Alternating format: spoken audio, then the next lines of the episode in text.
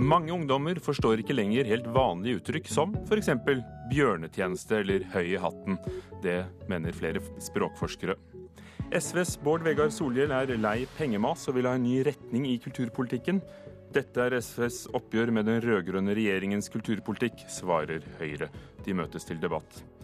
Ibsenprisen er delt ut. Den går eh, til Cecilie Løveid for årets bidrag fra henne til ny norsk dramatikk. Og den nye filmen om doktor Proktor og hans tidsbadekar er like morsom for voksne som for barn, sier vår anmelder. Velkommen til Kulturnytt i Nyhetsmorgen i NRK med Ugo Fermariello.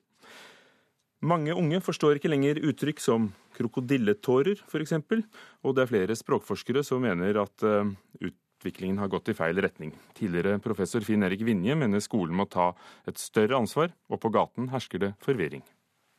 Jeg har hørt uttrykket før. Krokodilletårer. Er ikke det noen kjempestore tårer? Uh, I grevens tid det er vel at uh, en person uh, En person kom akkurat tidsnok før det er for sent. Det er heller litt eldre folk da, som bruker sånne uttrykk mer enn vi unge. Men der ungdommen ikke bryr seg så mye om hva de gamle uttrykkene betyr, vekker det store bekymringer hos andre. Ja, det er et problem. Det sier språkprofessor Finn Erik Vinje, som har kjempet for godt norsk språk i en mannsalder. Han frykter for konsekvensene dersom gamle ord og uttrykk går i glemmeboken. Hvis man skal være høytidelig, så kan man si at det er et demokratisk problem. Hvis man er helt ukjent med den slags uttrykk, så faller man utenfor i det offentlige ordskiftet.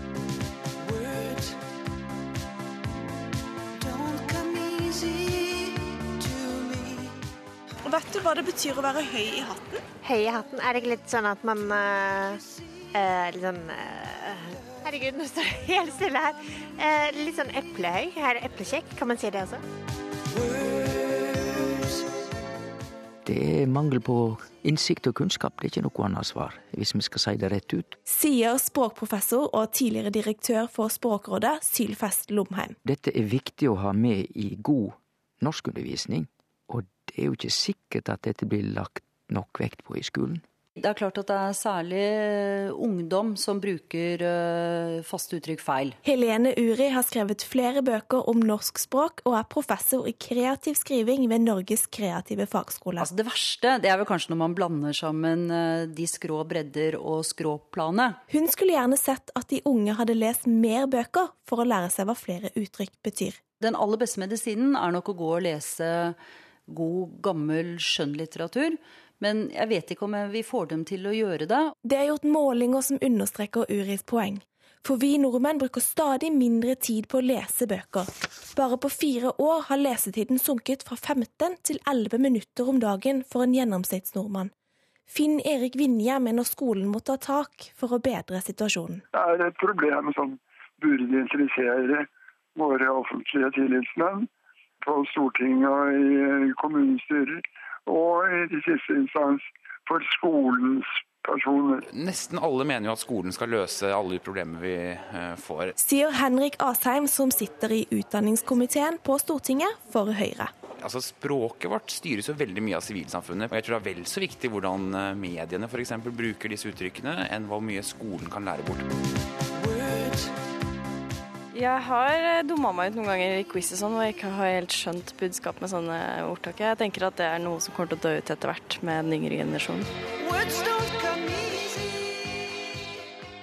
Og det var eh, den franske sangeren FR David som heller ikke hadde lett for det med ordene. Reporter var Therese Moe. Vi har også snakket med Utdanningsforbundet, og politisk rådgiver Jens Garbo der sier til oss at eh, han mener det er viktig å forstå språkuttrykkene for å forstå vår samtid, og han sier at han synes lærerne burde ta diskusjonen om dette med elever og kolleger. Per Egil Hegge, forfatter, garvet journalist og språkspaltist i Aftenposten. Deler du oppfatningen om at eh, folk ikke lenger forstår de fleste av de faste uttrykkene? Det kan jo hende at ungdommer ikke forstår alle, og det kan jo da også hende at de lærer dem med. Eh, det har nå jeg gjort etter hvert. Det har tatt, tatt tid. Eh, dessuten har jo både Sylfest Lomheim og Finn-Erik Vinje og også jeg eh, alderen til å være bekymret for ungdommen. Det hører jo liksom med om høsten. Men, men det kan være greit å, å merke seg at disse uttrykkene har en verdi, og at de bidrar til å gjøre språket rikere og mer variert. Du byr på hjelp i boken 'Perler for svin', som kommer ut nå, med forklaring av 555 faste uttrykk og vendinger. Hvorfor følte du behovet for å komme med dette?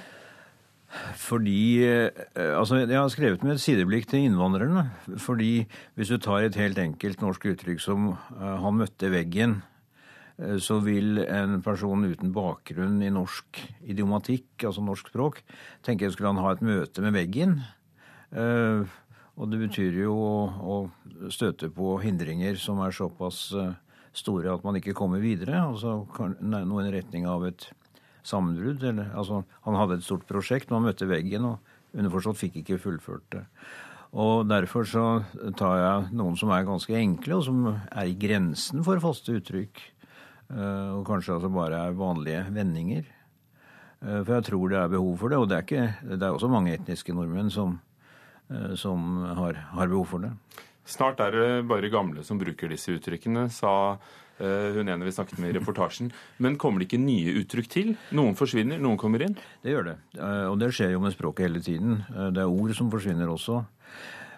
Men så er det jo litt interessant med ord som, eller uttrykk som får en annen betydning enn de hadde opprinnelig. Eksempler? Ja, sluke kameler. Det brukes jo i politikken, og nesten alle bruker det i betydningen Uh, bite i seg ting som man Altså gå tilbake på ting man har lovet eller erklært. Uh, altså det er ting sagt, vi, vi Partiet sier vi skal gjennomføre dette her, og så sier de nei, det blir ikke noe likevel. Da har man slukt en kamel.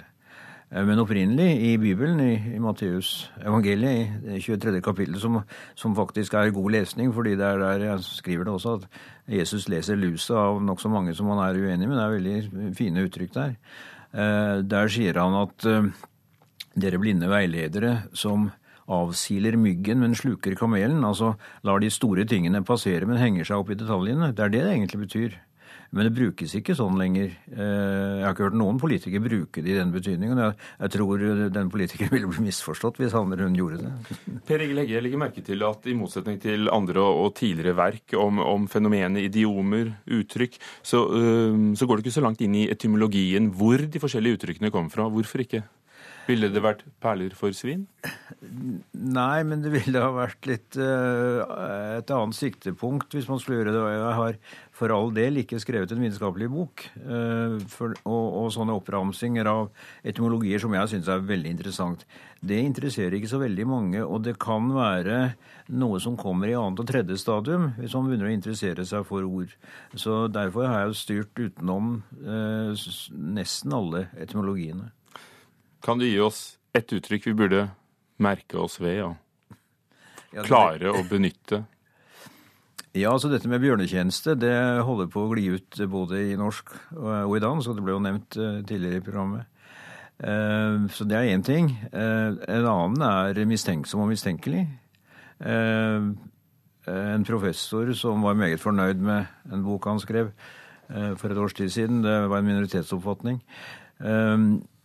han roter med mistenksom og mistenkelig. Eh, så det er ikke bare ungdom. Eh, så de, vi som er litt oppi årene, bør passe på, vi også. Takk skal du ha, Per Egil Hegge.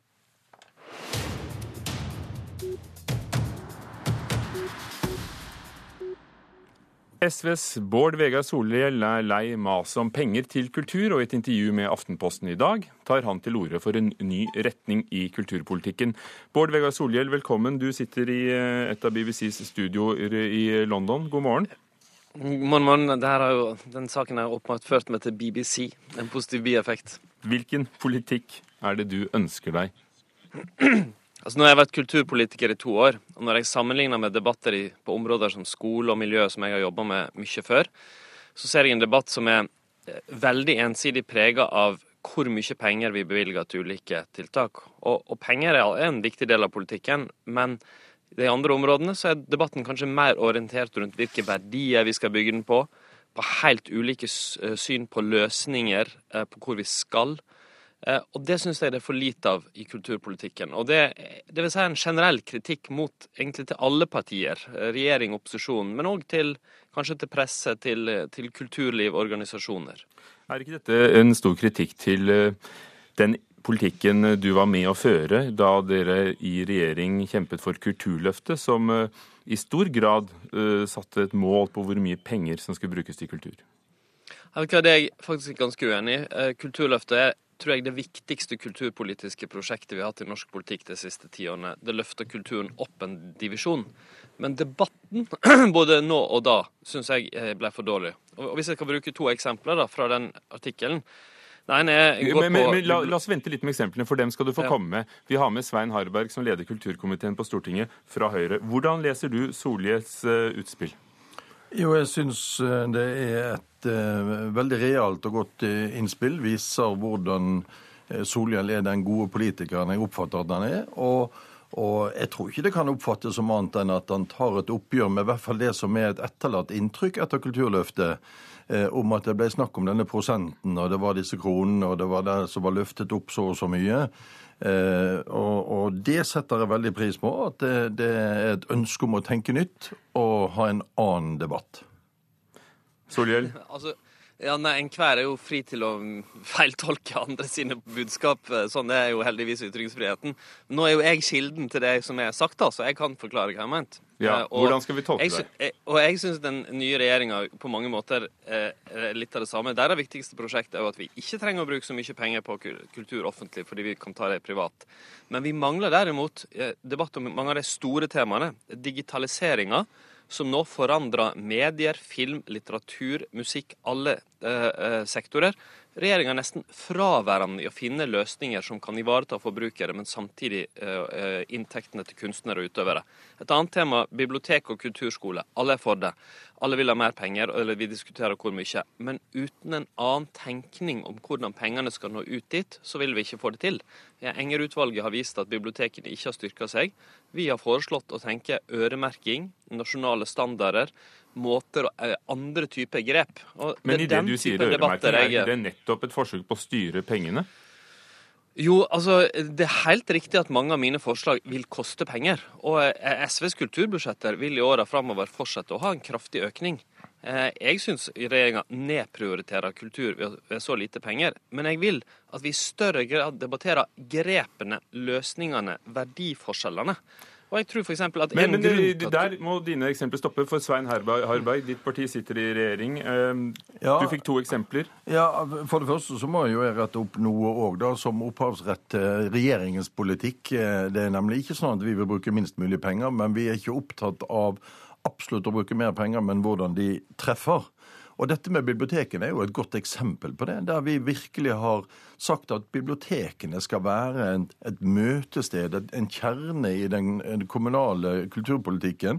Og Derfor har vi sagt at her har vi satt inn midler som kan søkes på til prosjekter til å gjøre dette til et treffsted, gjøre det til en, en eh, litteraturmøteplass, gjøre det til en kulturmøteplass. Og så løfter vi bibliotekene og deres plass i kommunene. Det er jo nettopp det som Solhjell her etterlyser. Så, så det er gøy at han nå er, følger oss på, på den måten å tenke på. Når det gjelder digitalisering, kom anklagen om at ja, det var fraværende? Det, det, nå skal ikke jeg være, være eh, for, for, for stygg altså, sagt, med, med Solhjell og SV, men de sitter altså ikke i vår komité denne perioden, for de makter ikke å være i alle komiteer. Men dette er jo noe av det vi diskuterer aller mest. Og, og, da vil jeg no, tilbake til noe Solhjell sa helt i starten, at en av utfordringene er jo at kulturlivet, mediebransjen, ikke har vært, vært vant til å levere bestillinger gode nok til politikerne fordi at debatten har vært en annen. Så Der er vi helt enige. Vi utfordrer Kultur-Norge, vi utfordrer Medie-Norge på hva trenger dere for å få hjelp til digitalisering, og vi får dårlige svar. Og Solhjell, det er vel nettopp et spørsmål om innhold, og ikke bare om hvor mye penger som skal brukes? Jo, men Det er mulig det snakkes om på komitémøter, men eh, regjeringa og talspersoner for det er jo totalt fraværende i den offentlige debatten om det. Og jeg syns det er for dårlig å bare skylde på bransjer, istedenfor å bruke det enorme apparatet man har i regjering på å lete etter løsninger. Og så syns jeg bibliotek er et godt eksempel. Eh, regjeringa vil bruke bitte litt mer penger, så er det andre partier i opposisjon som bruker enda litt mer. Men ingen av dem kommer til å nå ut til bibliotekene, for de er i kommunene. Når kommunene nedprioriterer det framfor andre ting, så vil det tape. Så uten en annen måte, en annen organisering, altså et eh, øremerka løft til bibliotekene, så vil det ikke nå ut og føre til et reelt løft. Den type vilje til å tenke andre politiske grep savner jeg fra, både fra dagens regjering og i den kulturpolitiske men, men dette er jo faktisk feil. Det er jo sånn Nei, at Vi ser resultater ute i bibliotekene. Jeg er rundt og besøker deg, og de takker for disse mulighetene til å løfte bibliotekene som en aktør i kommunen, som en aktør i kulturlivet, og som, som en del av de som løfter litteraturen eh, inn i dette miljøet. Så dette er veldig treffsikkert, og vi får mye honnør for det. Så registrerer jeg at Solhjell da igjen er inne på at det burde vært mer penger, men det er målrettingen av midlene for å utløse sånn aktivitet eh, jeg oppfatter at han etterlyser i artikkelen, og det leverer vi på. Så er det flere ting vi kan diskutere for å bli enda bedre på det. Og så må jeg bare si at vi er totalt fraværende på den digitale kampen. Det er feil. Der er så mange debatter, der er så mange møter. Det har ikke bare med internt i komiteen å gjøre.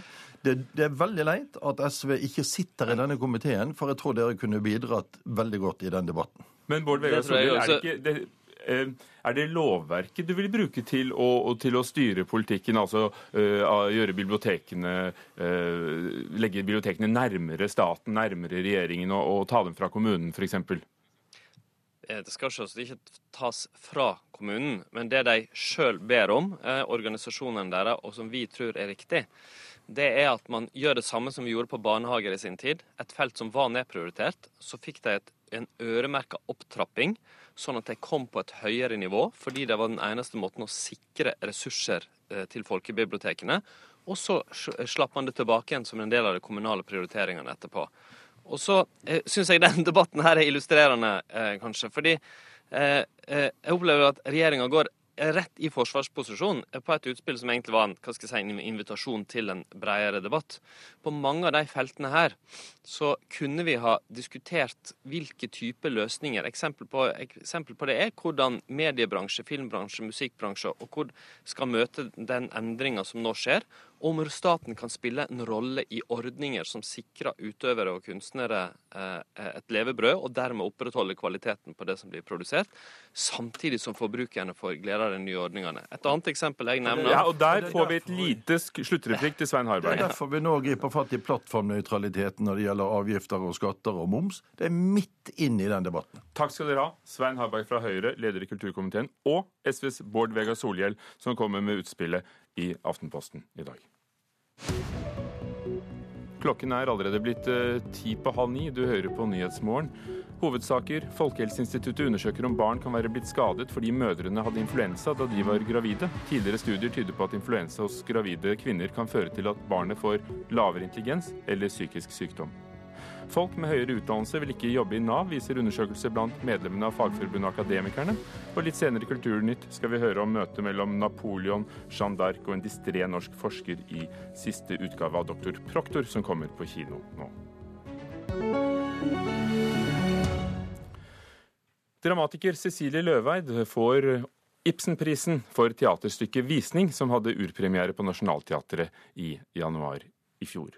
Den nasjonale Ibsenprisen er landets eneste dramatikerpris og deles ut av Skien kommune.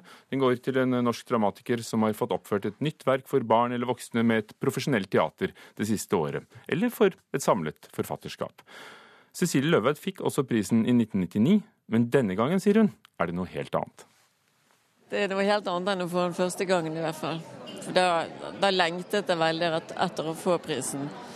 Og nå kom det som en kjempeoverraskelse. Hva tenker du som dramatiker i dag og sitter med en fersk pris i fanget?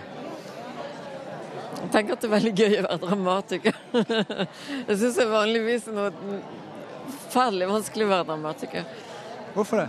Eh, fordi du skal gjennom så mange mørke skoger og så mange dype hav og eh, kalde elver før du kommer til Kritan. Og da når du endelig kommer dit, så ligner det kanskje ikke i det hele tatt på det, det visjonen, den visjonen det var. Så det, det, er litt av en disiplin. Sa Cecilie Løveid, som fikk Ibsenprisen i Skien i går, reporter Knut Inge Dale. Teaterkritiker her i NRK, Karen Frøsland Nystøyl. Det var tre nominerte. Jon Fosse, og Kim Atle Hansen, i tillegg til Cecilie Løveid, som, som fikk prisen. Hva synes du? Det er vel unt til Cecilie Løvheid. Hun har skrevet en utrolig god teatertekst. Og det samme har Jon Fosse med 'Hav'. Begge de to har fått Ibsenpris før. Og Jon Fosse han har sagt at det å få Ibsenprisen tidlig i karrieren, det har eh, vært veldig viktig for han, gjort at han har skrevet mer for teatret. Så jeg tenker at når vi har en kandidat som ikke har fått den før, som er en annerledes stemme i norsk eh, dramatikk, som Kim Atle Hansen er, så, så syns jeg det er litt synd at ikke han får denne, denne, anerkjennelsen. Jeg tenker at det er kanskje mer avgjørende for en som ikke har fått prisen før, å få den, enn for en som har fått den allerede tidligere, selv om det er jo en fantastisk anerkjennelse. Det er det jo. Når du ser på de nominerte, hva sier du om tilstandene i, i norsk teater? og det nye norske teatret? Altså, det ble sendt inn 60 tekster til, eh, til, juryen, så de har hatt mye å lese. Og spesielt de siste ti årene så har det blitt sendt inn flere og flere tekster. Altså det, det har nesten eksplodert og dobla seg antall innsendte tekster de siste ti årene. Så de har hatt mye å ta av. Og når de da nominerer to etablerte dramatikere, så er det jo selvfølgelig fordi de har skrevet enormt gode tekster, men da kan en jo lure på alle de andre tekstene som eh, de andre norske dramatikerne skriver. Hva er egentlig kvaliteten på dem? Antageligvis så er den god, men nå har ikke jeg lest disse tekstene, jeg har kun lest de nominerte. Men det får en jo til å tenke litt på hva, hva er det andre som finnes der ute? Hva er denne floraen som vokser i skyggen av Fosse og Ibsen? Det, det, det veit ikke vi så mye om. Mener du at juryen tenker feil? Nei, jeg syns ikke juryen tenker feil. Jeg tror mandatet er å gå etter de beste tekstene. Men hvis jeg skal gå, ta et steg tilbake og se på, på utviklinga av norsk dramatikk, hva som er viktig for norsk dramatikk, så er det å gi de nye stemmene eh, muligheten til å, å, å, å vise seg fram internasjonalt. Og da er et navn som Ibsenprisen viktig. Takk skal du ha, Karin Frøsland Nystøl, teaterkritiker her i NRK.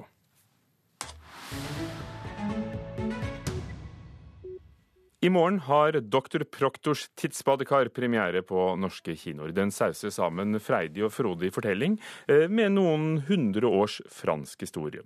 Lille norske Bulle kommanderer Napoleon med sin hær på 70 000 mann, og det er morsomt for alle, sier anmelder Einar Gullvåg Staalesen. Juliette, doktor Proktors store kjærlighet, levde for 600 år siden. Han glemmer henne aldri. Hun ble gift med han grusomme og billedskjønn og rike Claude Cliché, alias Atle Antonsen med ekstra polstring og bukseseler med strikk. Ta du, Juliet Macarena av Monte Crispo. Denne Claude Cliché som står ved din side til din ekte mann.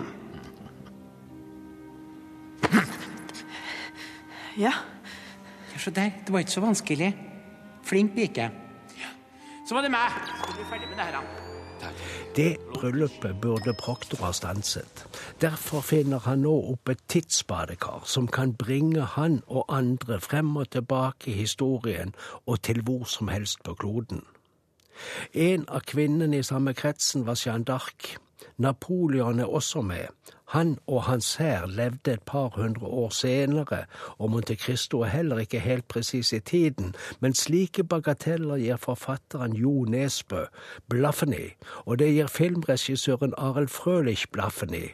Og de er ikke så nøye med klokkeslettet for den franske revolusjonen heller, men sauser det hele inn i en freidig og slagferdig illustrert historie om en norsk hippie og hans laboratorium og fantasi og grenser grenseløse prosjekt.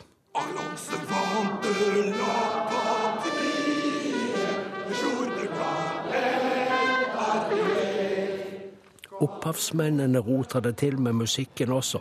Det er herlig.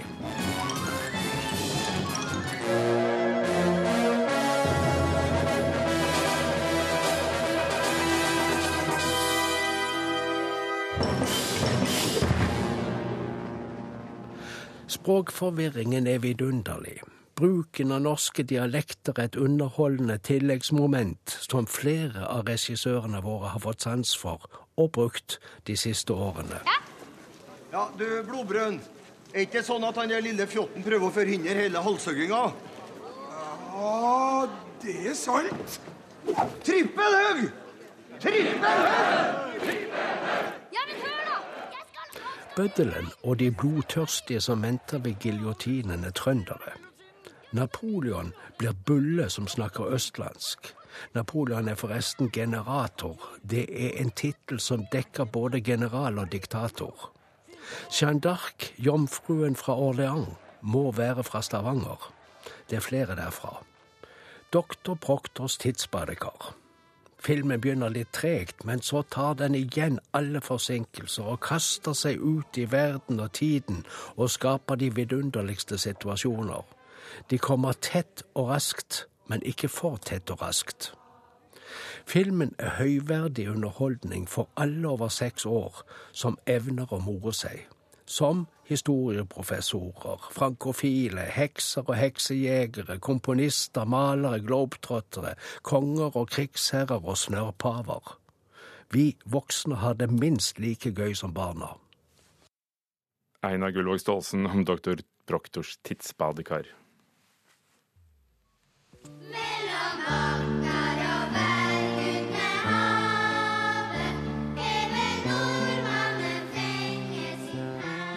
Norske skolebarn må synge oftere, sier Fremskrittspartiets stortingsrepresentant Tor André Johnsen.